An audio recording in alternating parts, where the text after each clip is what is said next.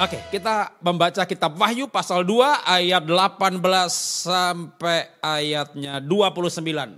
Surat kepada jemaat di Tiatira. Jadi hari ini berbeda dengan yang lain. Biasanya bicara keluarga, keluarga, keluarga. Hari ini saya berbicara kitab Wahyu. Wahyu pasal 2 ayat 18. Dan tuliskanlah kepada malaikat jemaat di Tiatira. Malaikat jemaat di sini sebenarnya adalah gembala ya. Bukan malaikat dalam arti yang terbang yang tidak kelihatan. Malaikat jemaat itu gembala. Jadi sebenarnya ini Yohanes nulisnya untuk para pemimpin. Kalau di sini berarti ini Pak Daniel Hendrata. Bisa juga gembala sel ya. Tapi saya percaya ini juga untuk saya untuk saudara dan untuk juga yang melihat di streaming. Ya tapi ini untuk pemimpin Ditulisnya sebenarnya sengaja untuk malaikat jemaat dan itu adalah gembala. Jadi apa yang harus ditulis? Nah ini dia. Inilah firman anak Allah yang matanya bagaikan nyala api dan kakinya bagaikan lem, tembaga. Wow. Tentu kita berharap bahwa pada masa susah, pandemi, mengalami banyak masalah, kita dapat firman Tuhan dari Tuhan Yesus yang matanya penuh kasih. Seperti air yang tenang. Dan rambutnya seperti padang rumput yang hijau. Tapi tidak hari ini. Hari ini saudara akan dapat firman Tuhan yang mata Tuhan seperti nyala api. Wow. Dan saya akan minta maaf hari ini saya tidak berdiri sebagai teman Pak Daniel, sebagai sahabat Pak Daniel. Dan bukan juga sebagai musuh, jangan takut. saya akan berbicara sebagai hamba Tuhan juga untuk jemaat dan juga untuk yang ikut streaming. Tetapi firman Tuhan perikop ini memang firmannya akan seperti nyala api. Nyala api neraka itu menghanguskan, mematikan. Tapi kalau nyala api Tuhan itu memurnikan, itu membersihkan. Tetapi namanya api panas, membakar, membersihkan, menguduskan. Makanya saya mungkin agak berbeda hari ini. Biasanya bicara keluarga, lucu. Hari ini saya galak saudara. Hari ini saya akan keras. Kenapa? Karena memang perikopnya tentang yang keras. Oke. Dimulai dengan pujian. Hah, bijaksana sekali. Aku tahu segala pekerjaanmu, baik kasihmu maupun imanmu. Baik pelayananmu maupun ketekunanmu. Aku tahu bahwa pekerjaanmu yang terakhir lebih banyak daripada yang pertama. Wah jemaat Tiatira ini luar biasa mungkin saya anggap seperti good news atau anugerah ministry. Saya ikuti YouTube-nya, ikuti Instagram-nya. Wow, yang terakhir lebih daripada yang dulu. Bongkar rumah, bedah rumah, bangun gereja, bangun sekolah, gereja di pedalaman, memberikan bantuan, beasiswa lagi, waduh wisuda. Yang terakhir lebih banyak daripada yang dahulu. Kalau Anda belum seperti ini, Anda harus seperti ini. Ya, pribadi-pribadi jemaat yang di rumah juga Anda punya kasih, punya pekerjaan, punya pelayanan, tidak bertumbuh, tidak growing, stagnan, itu aja udah enggak bagus. Orang ketika berhenti, ketika stagnan, kejatuhan di depan mata. Kalau baca kitab kejadian, Esau ditegur sama Tuhan. Eh maaf, uh, ya Esau Yakob, eh, uh, Kain Habil. Kenapa mukamu muram? Kenapa hatimu panas? Ketika orang tidak berbuat baik, maka dosa mengintip. Jadi orang tuh berhenti berbuat baik, dosa udah ngintip. Makanya kalau Anda tidak bertumbuh, Anda harus bertumbuh. Sudah bertumbuh seperti hati-hati Tira, nah, ayat berikutnya sadis banget, panas banget. Keras banget. Ini bukan kepada orang yang tidak bertumbuh. Ini bukan kepada jemaat yang tidak bertumbuh. Pelayanannya bertumbuh, kasihnya bertumbuh, perbuatan baiknya bertumbuh. Tapi ayat 20-nya ini yang seperti mata api. Tetapi aku mencela engkau karena engkau membiarkan wanita Isabel yang menyebut dirinya nabiah mengajar dan menyesatkan hamba-hambaku supaya berbuat jinah dan makan persembahan-persembahan berhala. Udah pasti ini tidak berbicara jinah jasmani, percabulan, perselingkuhan. Karena teguran untuk pengajar di gereja Tiatira. Suratnya kepada gembala, di bawahmu ada loh pengajar-pengajar yang salah. Yang jemaat suka lagi dengan pengajaran itu. Siapa itu? Para nabiah yang mengajarkan untuk menyembah makan persembahan berhala. Sebuah kiasan untuk ajaran sesat. Nah saya bawa ke konteks hari ini. Kalau bicara ajaran sesat hari ini, berhala hari ini, ya banyak sekali. Saya ambil satu yang paling faktual. Berhala apa yang terbesar terkuat hari-hari ini? Bahkan pada zaman perjanjian baru disejajarkan. Kamu sembah Tuhan atau mamon? Jadi berhala terkuat hari ini bukan setan saudara, gendruwo, tuyul, orang nggak percaya lagi. Nggak ada setan. Tapi yang namanya mamon, hedonisme, kaya, wow. Masuk gereja dalam kesesatannya lewat apa? Teologi kemakmuran. Tunggu dulu, hati-hati. Pelajaran berkat betul. Tapi kalau teologi kemakmuran dalam arti seperti apa? Tak kasih contoh kasus. Ya, biar enak contoh kasus di Alkitab. kalau enggak nanti, ini Pak Jero datang nyindir. Bukan nyindir Pak, tak obok-obok nanti Pak. Iya, nanti turun dari mimbar kita sahabat Pak. Di mimbar aku hamba Tuhan Pak. Saya mau sampaikan dengan tegas. Mama, uh, berhala terbesar hari-hari ini adalah mamon. Atau saya sebut aja teologi kemakmuran. Contoh kasus kalau di Alkitab. Oke. Mungkin awalnya apa nyambung ya? Tunggu dulu. Ada tiga, empat pihak yang terlibat di sini. Yang mengalami masalah, nasihat yang salah, nasihat yang benar sama Tuhan. Kira-kira siapa contoh untuk kasus ini? Anda boleh tebak? Ayub. Loh, kok Ayub? Oke. Kasusnya berbeda dengan kasus saudara, tapi mungkin ada hal miripnya. Ya, yang pasti Ayub hartanya habis. Lembu, domba, sapi habis. Rumah terbakar. Sepuluh anak dipanggil Tuhan, bahasa kasarnya mati. Ada yang protes sama saya, Pak Jarot, manusia jangan mati dong Pak, meninggal. Mati itu binatang. ya, dipanggil Tuhan lewat kebakaran, ya dengan kata lain ya mati juga gitu ya, atau meninggal.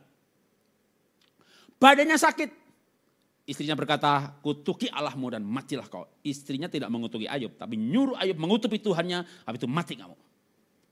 Ayub singkatnya berarti mengalami masalah. Salah satu di antaranya hartanya habis. Di sini ada yang mengalami, mungkin nggak sampai habis, ya, tapi cukup banyak. Ada yang habis lewat DNA Pro, nah sudah mulai matanya buka. Lewat Fahrenheit, lewat robot trading. Karena se-Indonesia mencapai triliun. Ini saya tempatkan yang mengalami habis hartanya, kayak Ayub yang mengalami. Nah sekarang saya mau bersikap sebagai apa? Kembali ke Ayub dulu. Ayub datang empat teman. Yang satu Elifas, Bildab, Sofar. Tiga teman ini satu blok. Yang pasti di akhir cerita Ayub, Tuhan bilang sama Ayub, murkaku menyala-nyala kepada tiga orang ini.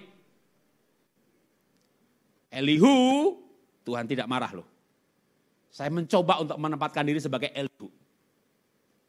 Kalau saya salah tempat, Tuhan marah sama saya. Sikap terhadap orang yang mengalami masalah. Nggak bisa dibandingin dong Pak Ayub kan nggak ada kesalahan. Tunggu dulu, nggak ada dosa iya. Salah nggak? Belum tentu. Ini kan salah keputusan kalau yang sekarang ini. Oke, ada esensi yang sama, mengalami masalah. Dalam satu bidang sama, uang habis. Nah sekarang siapa Elifas, Bildab, Sofar? Kok dihubungkan sama Wahyu? Oke, Tiatira berkata, ada nabiah-nabiah. Ini nyambungnya. Kenapa? Nanti tak kasih gratis buku saya bedah kitab Ayub. Lagi finishing. Ya, tak kasih gratis nanti suruh ya. Yang dengar juga di uh, streaming, nanti kejar aja saya biar saya makin rajin segera, segera menyelesaikan. Siapa Elifas Bildab Sofar? Datang menasihati Ayub. Aku dengar suara Tuhan. Sekelebat aku melihat Tuhan. Aku berjumpa dengan Tuhan. Tuhan berbicara kepada saya. Aduh, nabi banget. Mengatasnamakan, dengar suara Tuhan, berjumpa dengan Tuhan, dan dengan keyakinan seperti itu, dia hakimi Ayub. Ini Elifas Bildab Sofar itu, widow. Aku roh, aku dengar suara Tuhan. Roh Tuhan aku mendengarnya. Aku berjumpa dia berkelebat bayangan roh Tuhan. Nabiah banget. Maka saya hubungkan. Tetapi pelajarannya apa? Anda baca kitab Ayub, ada pendeta khotbah kitab Ayub, dan mengajarkan pelajaran, tapi lupa yang bicara itu Elifas Bildab Sofar, yang Tuhan hukum. Dan pelajarannya Elifas Bildab Sofar ini kayak nggak salah loh. Baca aja kitab Ayub yang judulnya Elifas Bildab Sofar bicara. Misalnya Ayub, bertobat dah, bertobat dari dosamu, nanti kamu diberkati. Apa salahnya? Makanya berdoa biar diberkati. Bertobat dari kesalahanmu biar dilindungi. Kamu nggak dilindungi, hartamu habis, pasti punya dosa. Apa salahnya? Anda bisa susah menemukan kesalahan Elifas Bildab Sofar. Tapi yang pasti Tuhan murkanya menyala-nyala kepada mereka. Maka yang paling tepat adalah saya analisa build up so far Elifas ini dengan teologi kemakmuran. Apa itu? Kalau miskin berarti dosa. Susah berarti dosa. Nggak diberkati berarti dosa. Tunggu dulu. Orang punya dosa bisa miskin. Orang punya dosa bisa susah. Orang punya dosa bisa nggak diberkati. Tetapi yang susah belum tentu dosa. Paulus di penjara dosanya apa? Daniel di penjara dosanya apa? Yusuf masuk penjara dosanya apa? Justru Yusuf di penjara karena kekudusannya. Daniel masuk gua singa justru karena dia beribadah. Daniel di kitab Daniel bukan Daniel Hendrata. Jadi tidak semua tidak semua orang bermasalah itu karena salah. Betul, saya takut akan Tuhan, saya diberkati. Saya melayani Tuhan sungguh-sungguh, saya diberkati. Bahkan saya pernah mengajar full gospel. Mau diberkati kayak saya. Tahun 90 masuk Jakarta, tinggal rumah bedeng, singkat cerita diberkati luar biasa. Ada huru hara ekonomi segala macam, usaha saya terus maju dan tidak turun. Apa yang saya ajarkan kepada para full gospel beberapa tahun lalu. Pegawai 300 orang, gedung 8 lantai, satu lantai 1560 meter, halaman 2 hektar di BSD. Saya berpikir untuk go public. Saya berpikir untuk pensiun sebagai komisaris, lalu melayani tanpa motivasi apa-apa. Oh betapa mulianya saya. Eh bangkrut. Saya udah baca Mazmur 97 berapa kali tuh? Sampai baca kayak jimat. Apalagi jemaat, ada lagi ditulis itu Mazmur 97, dikantongi dibawa ke mana pergi, betul-betul jimat itu. Dan saya waktu itu nggak mengajarkan sampai bacain Mazmur tiap, tiap hari begitu. Saya suka nyinyir, jimat dibaca tuh saya bilang begitu. Tapi apa yang saya ajarkan? Saya bilang sama para pengusaha, omsetmu berapa? Dia jawab, aku 10 kalinya. Mobilmu apa? Harga mobilmu 10 kali mobil saya. Lalu saya bilang lagi, lihat baju saya. Dari dulu ya batik begini aja. Lihat celana saya, saya punya celana enam, hitam semuanya. Satu dipakai, satu dijemur, satu dicuci, satu disetrika. Buter aja, hitam semuanya. Tunjukin sekalian ya. Lihat kaos kaki saya. Hitam polos. Punya enam tujuh biji. Hitam semuanya polos. Kenapa polos? Kalau polos, satu bolong, yang bolong dibuang, yang tidak bolong disambung lagi. Itu namanya teologi ya pengiritan. Saya tidak pernah buang energi sedikit pun untuk berpikir bajunya kecoklat kayak hijau-hijauan, celananya hitam garis hijau, lalu kaos kakinya yang ada garis hijau biar matching, sepatunya juga ada hijau sedikit. Saya nggak pernah buang energi seperti itu untuk berpikir seperti itu. Sepatunya hitam, cuma satu biji, nggak ada pilihan yang lain-lain. Nanti begitu udah rusak, buang beli satu lagi. Kaos kaki hitam semuanya, celananya hitam. Jadi nggak pernah mikir atas apa, bawah apa. Bawahnya selalu hitam, atasnya apa saja masuk terus. Murah lagi harganya. Enggak mungkin masuk gereja palsu. Murah. Tapi pernah masuk. Tapi pernah masuk. Bukan yang gereja palsu ya. Yang masuk gereja palsu. Yang satu lagi yang apa itu namanya? Ah, pastor install. Gak mungkin masuk di sana, gak mungkin. Enggak. Itu udah pasti mustahil bagi saya. Murah semuanya. Lalu saya bilang kepada pengusaha. Yang omsetnya cuma sepersepuluh saya, seperdua puluh saya. Saya bilang, begitu sederhananya saya hidup. Saya bilang, kenapa? Jelajahi Indonesia ini. Puluhan ribu pendeta dapat buku saya gratis. Apalagi Anda ke Mentawai, tiap tahun saya bangun dua sekolah, satu sekolah berapa ratus juta. Saya nggak bangun tiga tahun aja, saya bisa lebih mercy, saya bisa beli jaguar. Lalu saya mengajarkan. Anda tahu kenapa saya diberkati Tuhan, dilindungi Tuhan? Kalau saya bangkrut, surga rugi. Surga punya kepentingan dalam usaha saya. Tuhan siapa nanti yang bangun di pedalaman? Itu membuat saya yakin dilindungi. De facto bangkrut. Mau ngomong apa? 2019 saya bangkrut, rugi 19 miliar, utang 15 miliar. 2021 pilot lagi, rugi lagi. Udah, jangan tanya deh ruginya. Jadi tadinya saya mengajarkan kalau saya hidup benar di depan Tuhan, diberkati dilindungi. Lalu gak dilindungi.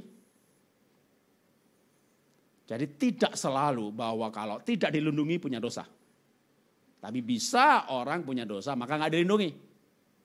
Nah teologi kemakmuran adalah menghubungkan langsung kalau miskin berarti dosa. Kalau kaya berarti rohani. Ya kalau gitu koruptor rohani dong. Nah itulah kesalahan Elifas build up so far. Elifas build up so far itu Anda, bahkan Anda nanti tak kasih buku saya. Arti kata Elifas, build up, so itu menarik. Yang satu artinya emas, yang satu artinya kemakmuran. Dan pelajarannya teologi kemakmuran. Saya senang dengan pelajaran berkat. Pembebasan dari kutuk ekonomi. Di dalam Yesus ada berkat. Tapi tidak menghubungkan langsung. Ya, supaya tidak set nyerempet ke mamon. Nah, Ketika Ayub mengalami masalah, Anda juga ada yang mengalami masalah. Enggak sebesar Ayub sih. Tapi Ayub mengalami masalah. Sikap apa terbaiknya? Ada yang di sini sikapnya kayak istrinya Ayub. Kutuki alammu, matilah kau. Dah pergi. Gitu ya. Mungkin ada yang pergi dari jemaat ini. Ada Pak Daniel? Ada yang pergi? Udah, enggak kerja situ lagi dah. Aduh lebunya hilang gitu. Dombanya hilang gitu. Bukan lembu nih. Persemanya banyak. Kalau gitu kerbau hilang. Ayub sikap teman-temannya beda-beda. Tapi yang menarik bagi saya adalah Elihu. Elihu gak banyak ngomong, ngomongnya terakhir. Dan Tuhan tidak marah sama Elihu loh ya. Tuhan tuh tidak marah kepada sahabat, sahabat Ayub enggak. Cuma Elifas build up so far. Baca dengan baik-baik Ayub 42. Elifas build up so far. Elihu Tuhan gak marah. Nah Elihu ini bukan nabiah, pengajar. Dia nggak pakai aku dengar suara Tuhan. Kita menghormati nabiah, kita menghormati rasul, penginjil, lima jawatan. Kita menghormati pengajar, gereja harus menghormati lima jawatan, tapi hati-hati dengan nabi palsu. Nubuatannya di karang-karang. Tidak dengar suara Tuhan ngaku-ngaku. Ini yang harus hati-hati menurut saya. Apalagi dalam kalangan karismatik. Kalau bukan karismatik memang nggak percaya. Bahkan dalam gereja lain, waduh saya dapat tul, dikasih tulisan, ada empat bidat gitu ya, dibahas satu-satu. Sekarang ada enam tambah dua. Satu-satunya apa? Karismatik. Dikasih argumennya begitu. Saya suka dengan yang begitu. Kenapa? Ya daripada saya dipuji-puji terus bisa masuk jurang. Dengar tulisan, baca tulisan seperti itu, eh benar juga loh saya nggak boleh, nggak boleh terlalu ngeroh sok nabiah-nabiah. Tuhan marah lagi. Makanya kepada jemaat Tiatira, kembali kepada kita Wayu, hati-hati dengan para nabiah. Bukan berarti kita nggak percaya loh ya. Ada nubuat yang benar, penglihatan yang benar. Tapi ada yang tidak benar. Nah, ini harus hati-hati. Nah, kalau bicara sikap kepada orang yang punya masalah, maka Elihu. Dia datang sebagai hamba Tuhan, walaupun dia sahabatnya Ayub. Maka waktu saya ini ngomong apa nih mau khotbah ke tempatnya Pak Daniel ini. Aduh, saya gak mau salah juga sebagai teman. Wah bagus pak, bagus pak. Gitu Pak Daniel mungkin ada salahnya katalah begitu. Ya atau sudah ada salahnya. Atau ngomong keluarga, aduh gak mood juga. Saya lagi bingung-bingung begitu, baca flyernya. Tiatira, ini dia. Saya lagi bingung itu sebenarnya. Apa baca flyernya jemaat kepada Tiatira. Waduh, ada PPT-nya Pak Jarot? Enggak ada, gimana mau ada baru dapat. Langsung saya baca tadi malam ini, baru tadi malam ini saya baca Tuhan. Saya harus bicara apa Tuhan? Ini Tiatira larinya ke mana di Tuhan? Saya nggak pernah khotbah, saya nggak pernah khotbah kita wahyu Tuhan. Tapi itu dengar nabiah. Lalu menyembah berhala. Berhala modernnya mamon uang. Nabi ya ngaku-ngaku. Tapi kalau ada orang yang mengalami hal ini, hari ini kan kita baru mengalami hal ini. Banyak ya, bukan bukan semuanya, banyak yang mengalami. Ke mana saya pergi, saya ketemu orang yang mengalami.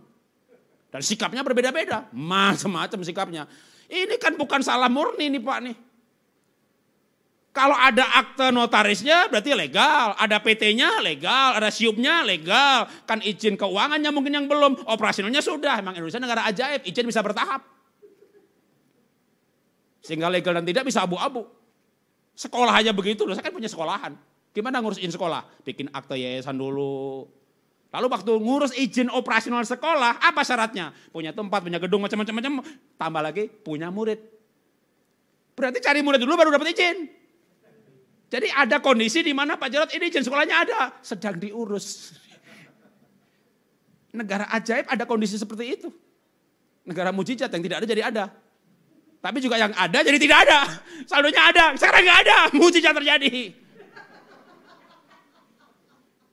Di luar negeri nggak bisa. Luar negeri itu izinnya apa semuanya lengkap, izin keluar, ya udah semuanya keluar, nggak pakai ada yang sedang diurus. Tapi saya nggak mau bahas hal itu tuh, itu itu di luar bidang saya. Bidang saya adalah sebagai hamba Tuhan gimana? Ada yang mengalami bagaimana reaksi yang tepat. Ya yang tepat itu Elihu. Elihu juga tegur kesalahan Ayub tapi tidak menghakimi. Yang menarik waktu Elihu berbicara itu ayat 3 pasal 33 sampai 36. Langsung pasal 37 Tuhan nyaut berbicara kepada Ayub. Ayub balas tiga ayat Tuhan tantang Ayub. Singkat cerita, sekarang pada Ayubnya. Ketika dia berhubungan dengan Tuhan, singkat cerita Ayub sampai pada pasal 40 ayat 1. Pas Ayub 42 juga ayat 1. Apa intinya? Ayub berkata begini, Tuhan rencanamu tidak ada yang gagal. Wow. Tuhan rencanamu tidak ada yang gagal. Kenyataannya apa? Ayub habis, uangnya habis, bahkan temannya habis, hartanya habis. Tapi Ayub berkata, Tuhan tidak ada rencanamu yang gagal. Jadi apa pun yang terjadi dalam kehidupan Ayub tidak membuat rencana Tuhan atas Ayub, atas destiny Ayub itu gagal. Rencana Tuhan dalam hidup saudara, hidup Pak Daniel tidak akan gagal dengan apa yang terjadi. Jadi ketika Elihu datang, dia tegur tapi dia kuatkan. Untuk datang kepada Tuhan, untuk angkat iman kepada Tuhan. Dan Ayub akhirnya mengangkat imannya Tuhan tidak ada rencanamu yang gagal. Tapi apa bagian Ayub? Nanti baca di rumah aja ya karena saya mau bacanya di ayat Wahyu aja. Ayub dipulihkan itu judul perikop setelah itu ayat 7. Satu ayat sebelum Ayub dipulihkan itu menarik. Ayub 42 ayat 6. Tuhan aku mencabut perkataanku. Dengan menyesal aku duduk dalam debu dan abu. Jadi Ayub pun punya kesalahan. Maka dia cabut perkataan yang salah. Kalau dia nggak punya salah, dia nggak cabut. Dan setelah dia mencabut perkataannya, Tuhan pulihkan. Rencana Tuhan dilanjutkan setelah Ayub mencabut perkataan yang salah. Kembali lagi kepada kitab Wahyu. Siapa yang ditegur? Malaikat jemaat, gembala, nabiah. Nabiah, pengajar, gembala, pemimpin. Salahnya apa sih? Perkataan. Maka kalau sudah diingat Anda salah perkataan, cabut aja udah.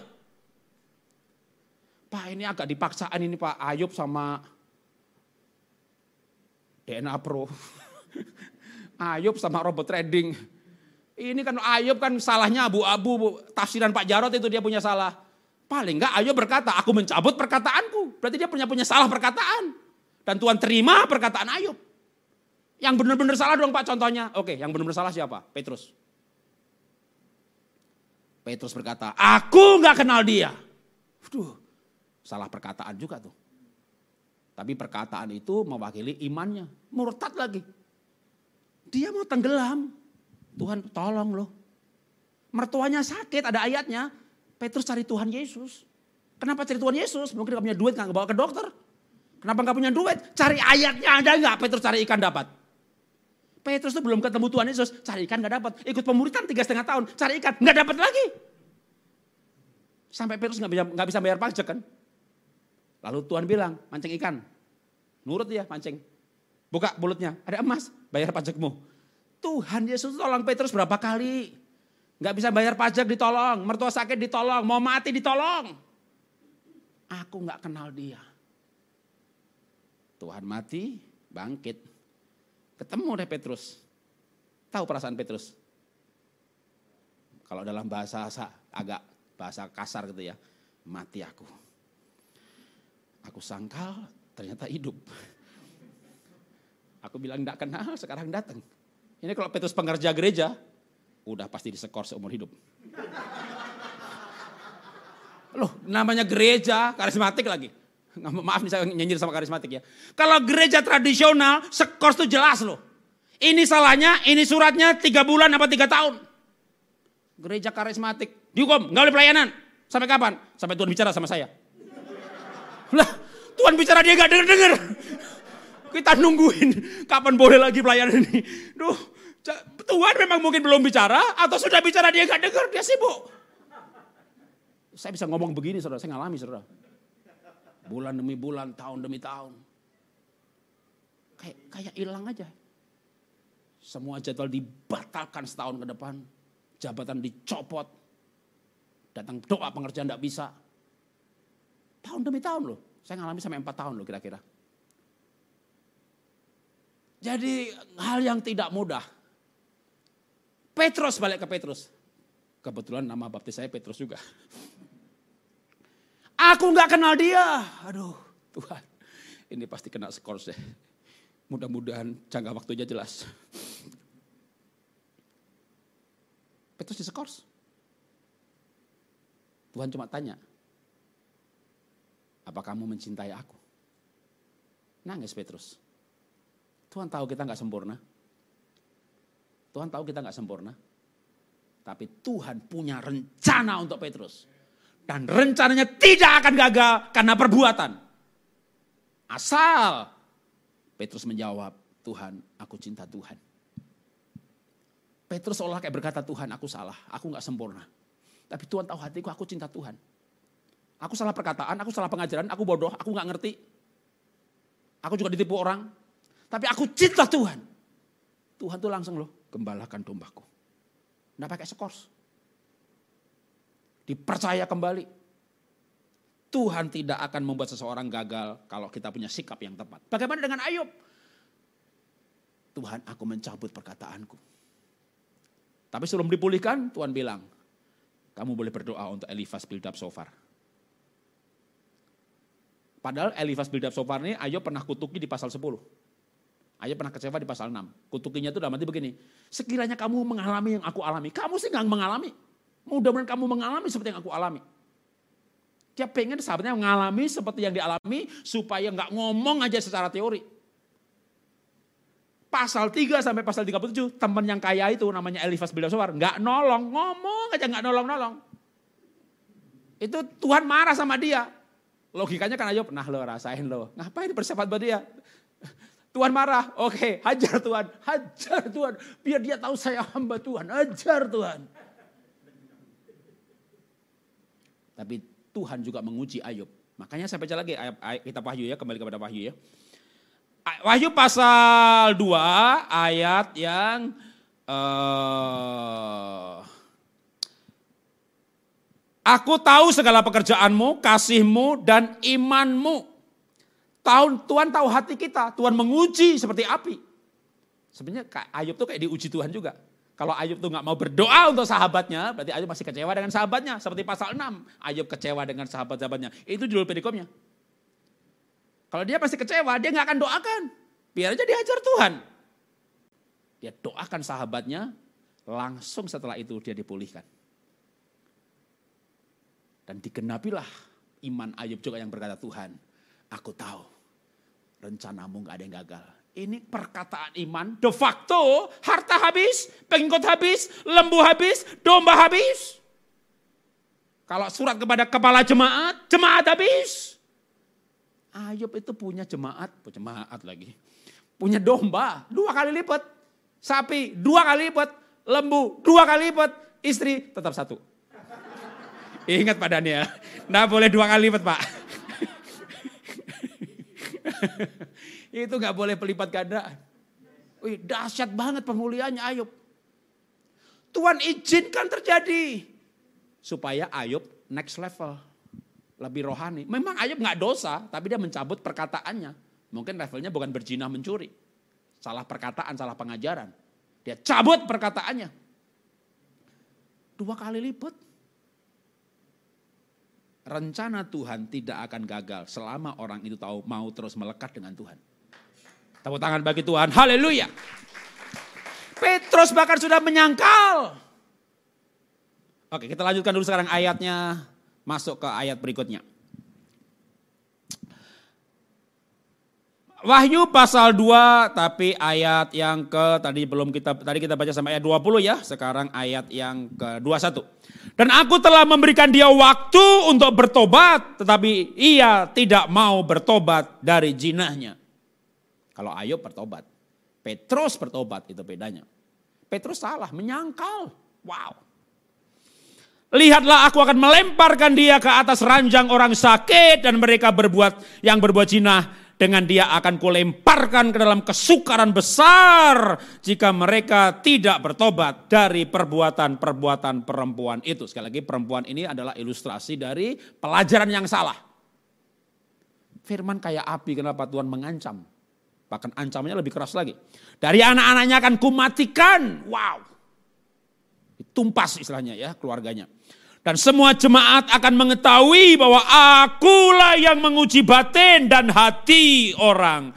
Dan bahwa aku akan membalaskan kepada kamu setiap orang menurut perbuatannya. Tuhan itu menguji hati. Kalau kitab Korintus berkata, sekali kelak pekerjaan kita akan nampak. Seperti api. Nah ada kata api lagi di situ. Semua kelak, sekali kelak pekerjaan kita itu akan diuji. Diuji seperti api.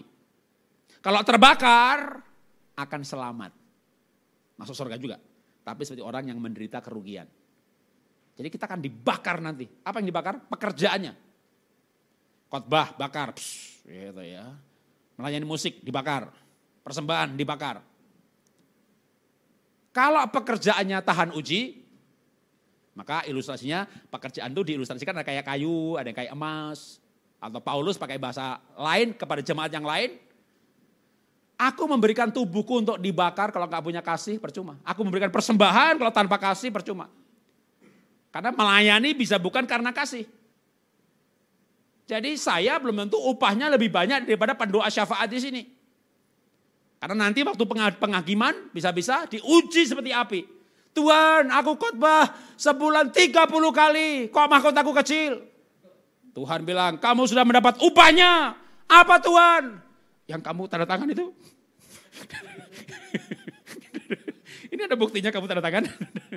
Ini kan yang kamu cari kan? Udah dapat kamu. Belum tentu khotbah di mimbar dapat upah di sorga. Karena di bumi sudah dapat.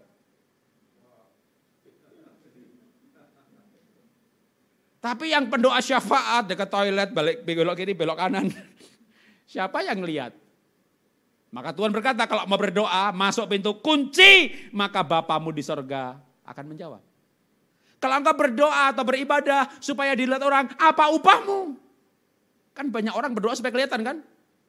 Makanya zaman akhir zaman ini kan doanya di mana?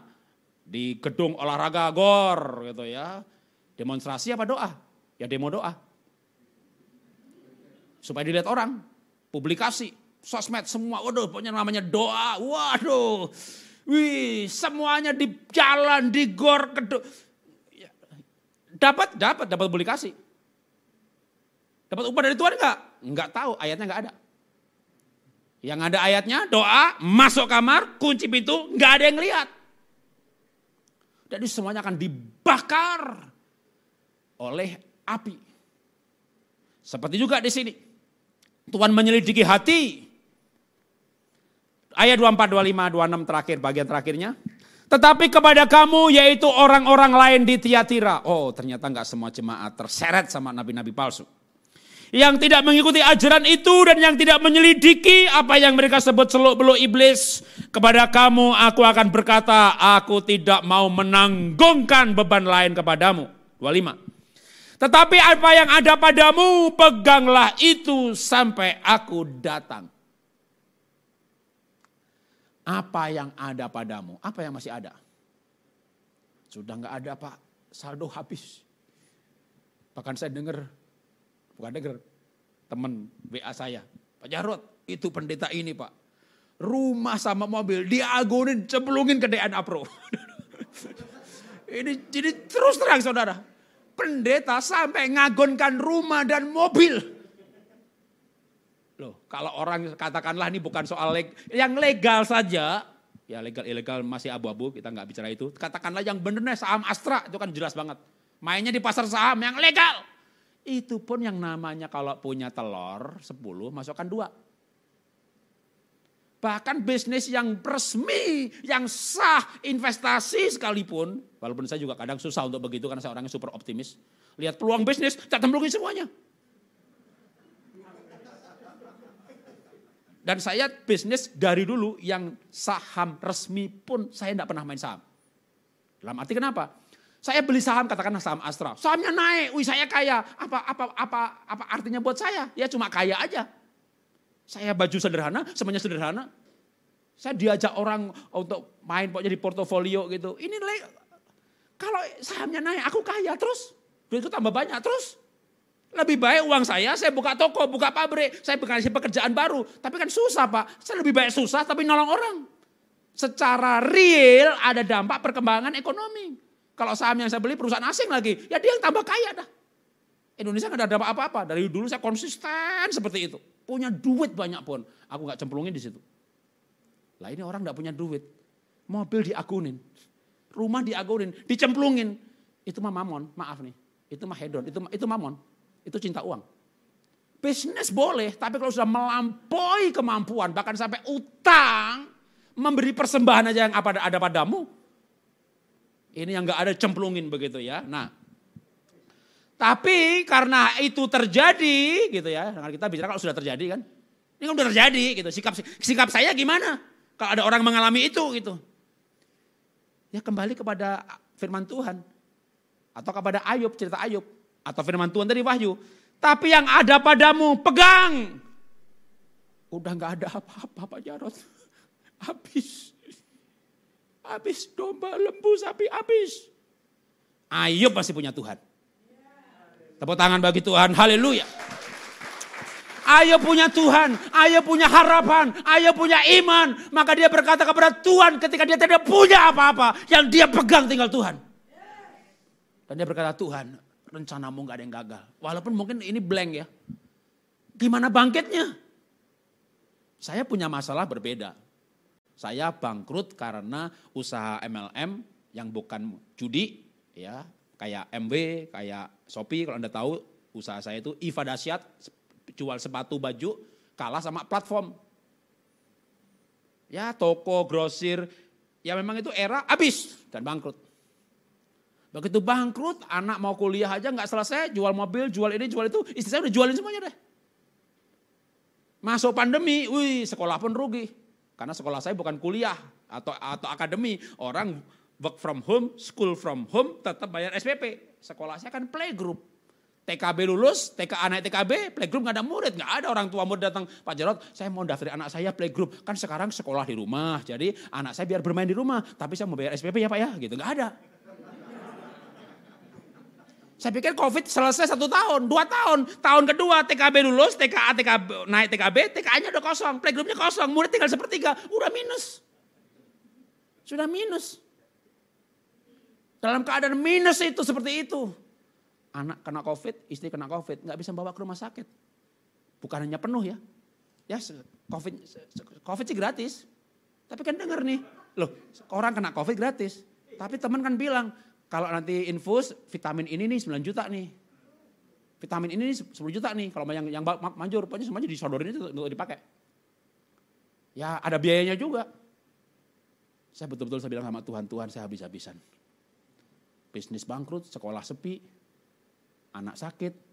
Begitu anak sakit, istri ketularan. Waduh saya udah udah udah kayak karena pas itu terjadi teman di KIB juga seorang ketua sinode Pak Jarot, Mas Jarot, saya panggil saya Mas.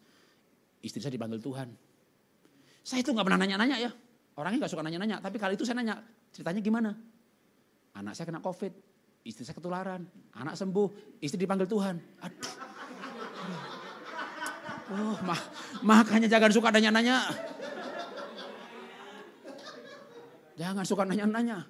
Begitu nanya, aduh, istri saya barusan pingsan di kamar mandi gara-gara COVID ketularan anak sesak nafas karena dia nggak anak karena anak nggak di, gak divaksin. Dia tadinya nggak mau gak mau vaksin, begitu kena parahnya luar biasa. Udah tersengal-sengal, oksigen kosong, dapat resep dari dokter, itu pun telepon dokter pada nggak diangkat, teman-teman deket, rumah sakit penuh. Akhirnya dikasih resep, antibiotik 30 butir dapat 6. Antivirus 40 butir dapat 9. Oksigen nggak ada. Ini hari ketiga nggak dapat nggak ada, ada obat nih. Oksigen kosong, saturasi 90, saturasi udah turun tinggal 90. Mau bawa ke rumah sakit lagi nggak dapat lagi. Besoknya anak tergeletak di lantai. Aduh, itu udah kayak istilah itu kayak Tuhan, aku cuma punya Tuhan. Aku nggak punya uang, aku nggak punya backing, aku nggak punya obat. Yang ada cuma Tuhan doa aja. Benar-benar ada saat kadang-kadang kita tuh cuma yang apa yang ada padamu pegang. Karena kita udah nggak punya apa-apa lagi. Kalau mungkin saya punya saldo miliaran gitu mungkin dapat juga ke rumah sakit ya. Mungkin saya nggak tahu juga. Yang kenyataannya nggak ada, kenyataannya nggak punya duit. Itu saya nyanyi sambil nangis, itu pun nangis. Anak saya di lantai dua nggak tahu kalau mamanya kena covid. Karena kakaknya di Singapura dua udah ngasih tahu adiknya yang paling sebungsu ini jangan ke kafe melulu, jangan pergi melulu. Aku masih mau pulang Indo, peluk papa mama masih lengkap. Eh nomor tiga ini memang Berani banget ke kafe, ke mana, ke mana. Nggak bisa diam di rumah. Persis bapaknya. Ke Bandung lah, panjat tebing lah. Naik gunung lah, ke air terjun lah. Kena bener covid. Bret. Waduh. Makanya waktu istri ketularan, anak ini nggak tahu kalau mamanya ketularan. Anak yang di Singapura nggak tahu kalau mamanya kena. Kalau kakaknya tahu, dia mungkin bisa WA adiknya, tuh mama ketularan, tuh kamu tuh angkanya hati-hati. Nanti dia akan stres, stres imunnya turun. Waduh, saya nggak boleh anak-anak tahu. Anak di lantai tiga nggak tahu mamanya kena. Waktu anak saya di lantai dua, nah anak nomor tiga di lantai dua tergeletak pingsan, istri nggak tahu kalau anak pingsan. Dan dan mungkin bukan pingsan ya, karena saya nggak nggak saya nggak bisa bersaksi bahwa dia mati hidup lagi. Ya cuma saya bilang dia tergeletak aja. Tapi dipanggil nggak bergerak, dipegang nggak bergerak, dipanggil dia anu nggak ada apa-apa. Sampai saya bilang sama Tuhan begini, Tuhan, Aku ini tobat tahun 82, 83. Sampai hari ini saya tidak pernah berhenti melayani. Kalau saya dipanggil Tuhan, kayaknya buah saya cukup. Tapi anak saya belum Tuhan. Panggil saya Tuhan, hidupkan anak saya. Saya minta tukar waktu sama Tuhan. Dan waktu itu Tuhan bilang, nggak ada yang mati di rumah ini. Waduh. Waktu saya, ber, saya dengar suara itu, saya bilang sama Tuhan, terima kasih Tuhan. Tapi de facto anak saya tergeletak. Cuma saya udah dapat ada harapan. Saya bisik-bisik, saya nggak tahu, saya nggak mau istri saya dengar. Levin, kalau kamu dengar suara papa, gerakin badanmu. Saya lihat dia jarinya begini, kayak kayak coba digerakin begitu. Ah, waduh. Ada saat di mana kita hidup itu ya, kita cuma pengen Tuhan dok loh. Kita nggak kita nggak bisa pengen yang lain-lain lagi. Itu, waduh. Pada masa itu nangis pun saya nggak berani kencang-kencang anak dia jangan dengar, istri jangan dengar, istri begitu kita lihat tidur cukup pulas, cuma istri ajaib, dia dia orangnya benar-benar penuh damai sejahtera. Itu anak saya sesak nafas itu jamnya makan-makan, jamnya tidur-tidur. Saya bangkrut, jamnya makan-makan, jamnya tidur-tidur. Pokoknya istri itu gampang banget tidur. Begitu jam 8 udah tidur, aduh tinggal saya nyanyi sendirian. Masuk kamar yang lain, kunci pintu, nangis. Walau ku tak dapat melihat semua rencanamu Tuhan. Tuhan aku nggak tahu rencana Tuhan, aku ini mau dibawa ke mana. Aku pengen pensiun sebagai komisaris, bangkrut. Anak sakit, rumah sakit nggak ada. Walau ku tak dapat berharap atas kenyataan hidupku. Kenyataannya aku, aku habis. Kenyataannya aku mengalami yang tidak aku harapkan. Aku ngajar pengusaha. Hidup benar, hidup tulus, hidup sederhana. Tuhan jagai, Tuhan lindungi. Lalu saya bilang, Tuhan aku nggak dilindungi. Aku habis. Sampai Tuhan akhirnya mengajar saya. Kamu ngalami ini supaya kamu ngajar begini, kamu ngalami ini supaya ngajar begini. Itu oh, baru, oh Tuhan terima kasih Tuhan. Pengalaman memang, ya mau dagang modalnya duit. Dosen modalnya pinter. Jadi hamba Tuhan, modalnya ngalami. Ada tepuk tangan. Waktu itu saya bilang begini, Tuhan, Teh angele jadi hamba Tuhan. Teh susah ya jadi hamba Tuhan. Ngalamin dulu. Makanya Paulus berkata kepada jemaat, aku menghibur kamu dengan penderitaan yang ku alami. Tapi kembali lagi ketika saya mengalami, ya kita diizinkan Tuhan. Maka kalau saudara mengalami, itu bukan ya orang boleh berkata ya, seperti Elifas Bildusofar itu hukuman, kamu dosa. Atau kita berpikir yang lain bahwa Tuhan memang mengizinkan drama hidup kita ini nanti untuk jadi contoh. Kalau bangkrut tuh sikapnya begini. Kalau sukses tuh begini. Kita kalau ditipu orang tuh sikapnya begini. Jadi apa pun posisi kita, kita teladan. Apa pun yang kita alami, kita teladan. Jadi kita diberkati, kita rohani bukan berapa yang kita miliki. Kalau kalau kalau soal maka teologi kemakmuran kalau sukses berarti diberkati. Berarti saya pesan bangkrut berarti saya nggak rohani dong. Tapi kerohanian saya bukan karena kebangkrutan saya, tapi bagaimana saya menghadapi kebangkrutan. Bagaimana saya bayar semua dengan pesangon karyawan, semua sesuai dengan peraturan. Walaupun untuk itu kami habis tabungan, bahkan jual aset. Tapi saya berkata kepada Tuhan, atau saya berkata bisa kepada para pengusaha, masih bisa berkata, lihat hidup saya. Anda bangkrut, saya bangkrut. Lihat hidup saya, ikuti teladan saya menghadapi kebangkrutan. Jadi kita tetap berdiri sebagai hamba Tuhan apa pun yang terjadi. Apa pun yang terjadi kita sebagai hamba Tuhan. Maka saya baca ulang lagi Mbak Wahyu berkata apa? Tetapi apa yang ada padamu pegang itu sampai aku datang. Kembali kepada Petrus. Tuhan datang kepada Petrus, Petrus tidak punya apa-apa. Petrus hanya punya hati yang dikatakan kepada Tuhan, aku cinta Tuhan. Tuhan tanya lagi, apa engkau mengasihi aku? Dan Tuhan, Petrus menjawab, akhirnya karena tiga kali dia jawabnya nangis. Tuhan, aku betul-betul mengasihi Tuhan. Ada saatnya kalau kita nggak punya apa-apa, apalagi yang kita punya. Loh, waktu saya punya apa-apa ya beda. Kerja satu bulan bisa makan tiga tahun. Begitu bangkrut, ngelukis, makan seminggu. Ngelukis, makan seminggu. Aduh, saya belum diizinkan waktu bangkrut. Sampai ada orang yang nggak, Pak Jati benar-benar bangkrut nih Pak. Kok suka cita, kok ketawa? Iyalah khotbahnya ketawa, melayani antusias. Selesai pelayanan, selesai melayani, masuk kamar, baru nangis. Kok saya nggak pernah lihat Bapak nangis? Ya nggak mungkin lah, nangis lalu direkam. Hai guys, gue mau nangis nih gitu ya.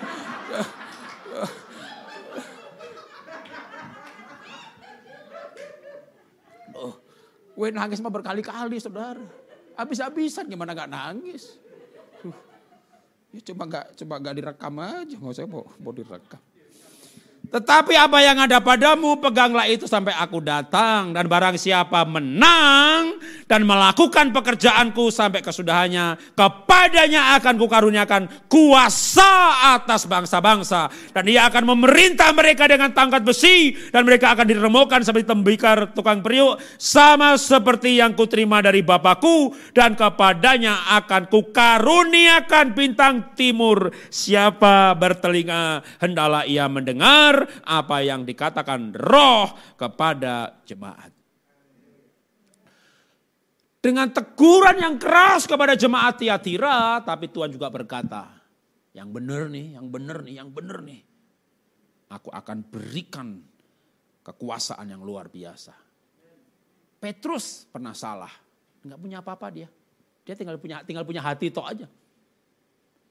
Sebagai orang yang menyangkal, mungkin Petrus secara manusia sudah dah. Ya kalau disekor jadi jemaat biasa aja lah, nggak usah melayani. Tuhan datang Petrus di atas, dia dipercayakan jadi tiang gereja loh. Dia memimpin gerakan gereja mula-mula loh. Dia salah satu rasul yang menonjol loh. Tuhan, rencana Tuhan tidak akan gagal dengan apa yang Anda alami. Tetapi yang Tuhan cari cuma satu aja. Tuhan cari cari apa kita sih? Tuhan gak cari saldo kita. Tuhan gak cari kekayaan kita. Tapi Tuhan cari hati kita. Maka Tuhan datang sama Petrus. Yang ditanya hatinya, apa kamu mengasihi aku? Ayam juga udah habis. Ayam udah gak punya apa-apa loh. Habis, bis. Rumah roboh, anak mati, istri pergi. Domba lembu sapi, tinggal apa? Badan pun sakit lagi. Tinggal hati, menurut saya kita tinggal, memang satu saat kita tahu jadi bahwa, oh betapa ujung-ujungnya ya nyawa roh kita yang berharga di depan Tuhan. Dan ketika itu kita persembahkan kepada Tuhan. Maka Tuhan angkat kita, Tuhan pakai kita. Mari kita duduk kepala kita berdoa. Bapak kami belajar firman-Mu. Kami bukan belajar Tuhan, tapi kami mengenal Tuhan. Kami mengenal isi hati Tuhan. Bahwa Tuhan begitu mencintai kami.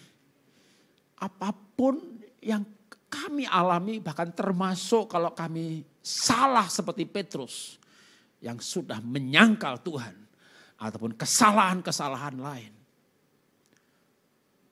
Tapi Tuhan datang.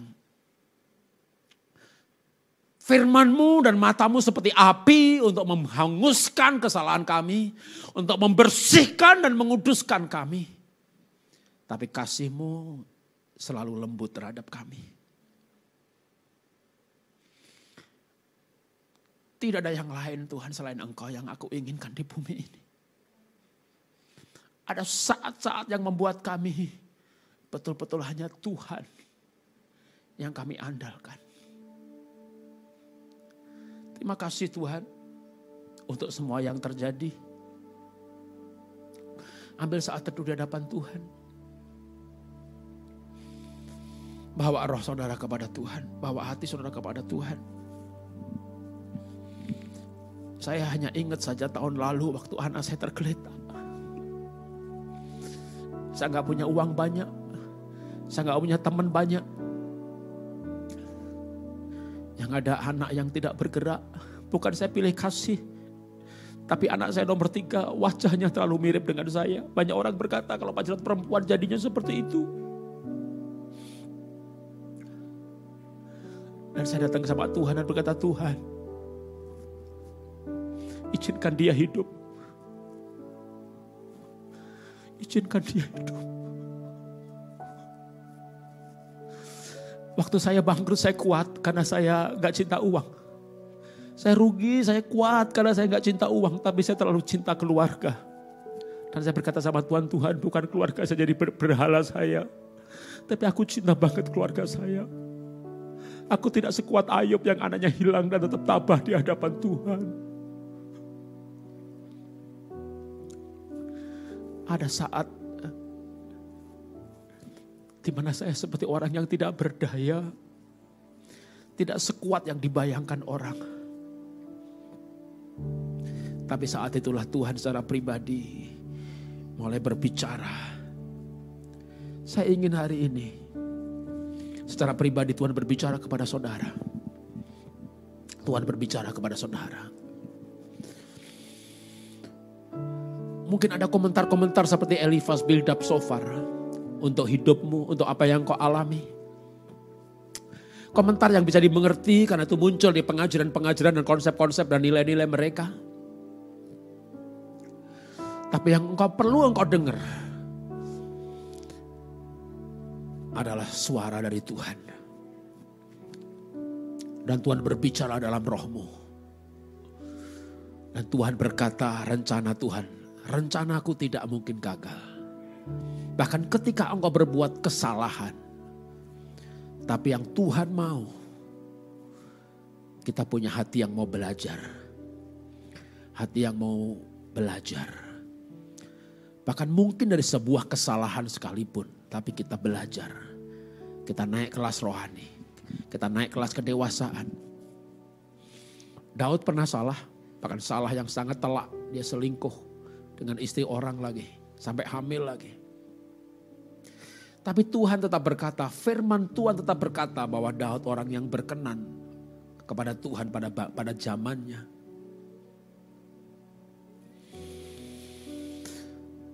Tuhan tetap akan menyebut engkau sebagai orang yang berkenan. Karena hatimu yang cinta Tuhan. Tetaplah terus kobarkan cinta itu. Engkau semakin mengasihi Tuhan, engkau semakin mengasihi Tuhan, engkau semakin mengasihi Tuhan. Apa yang terjadi membuat engkau tahu sahabatmu adalah Tuhan. Yang tidak pernah meninggalkan engkau adalah Tuhan. Sampai hari ini pun dia tidak meninggalkan engkau.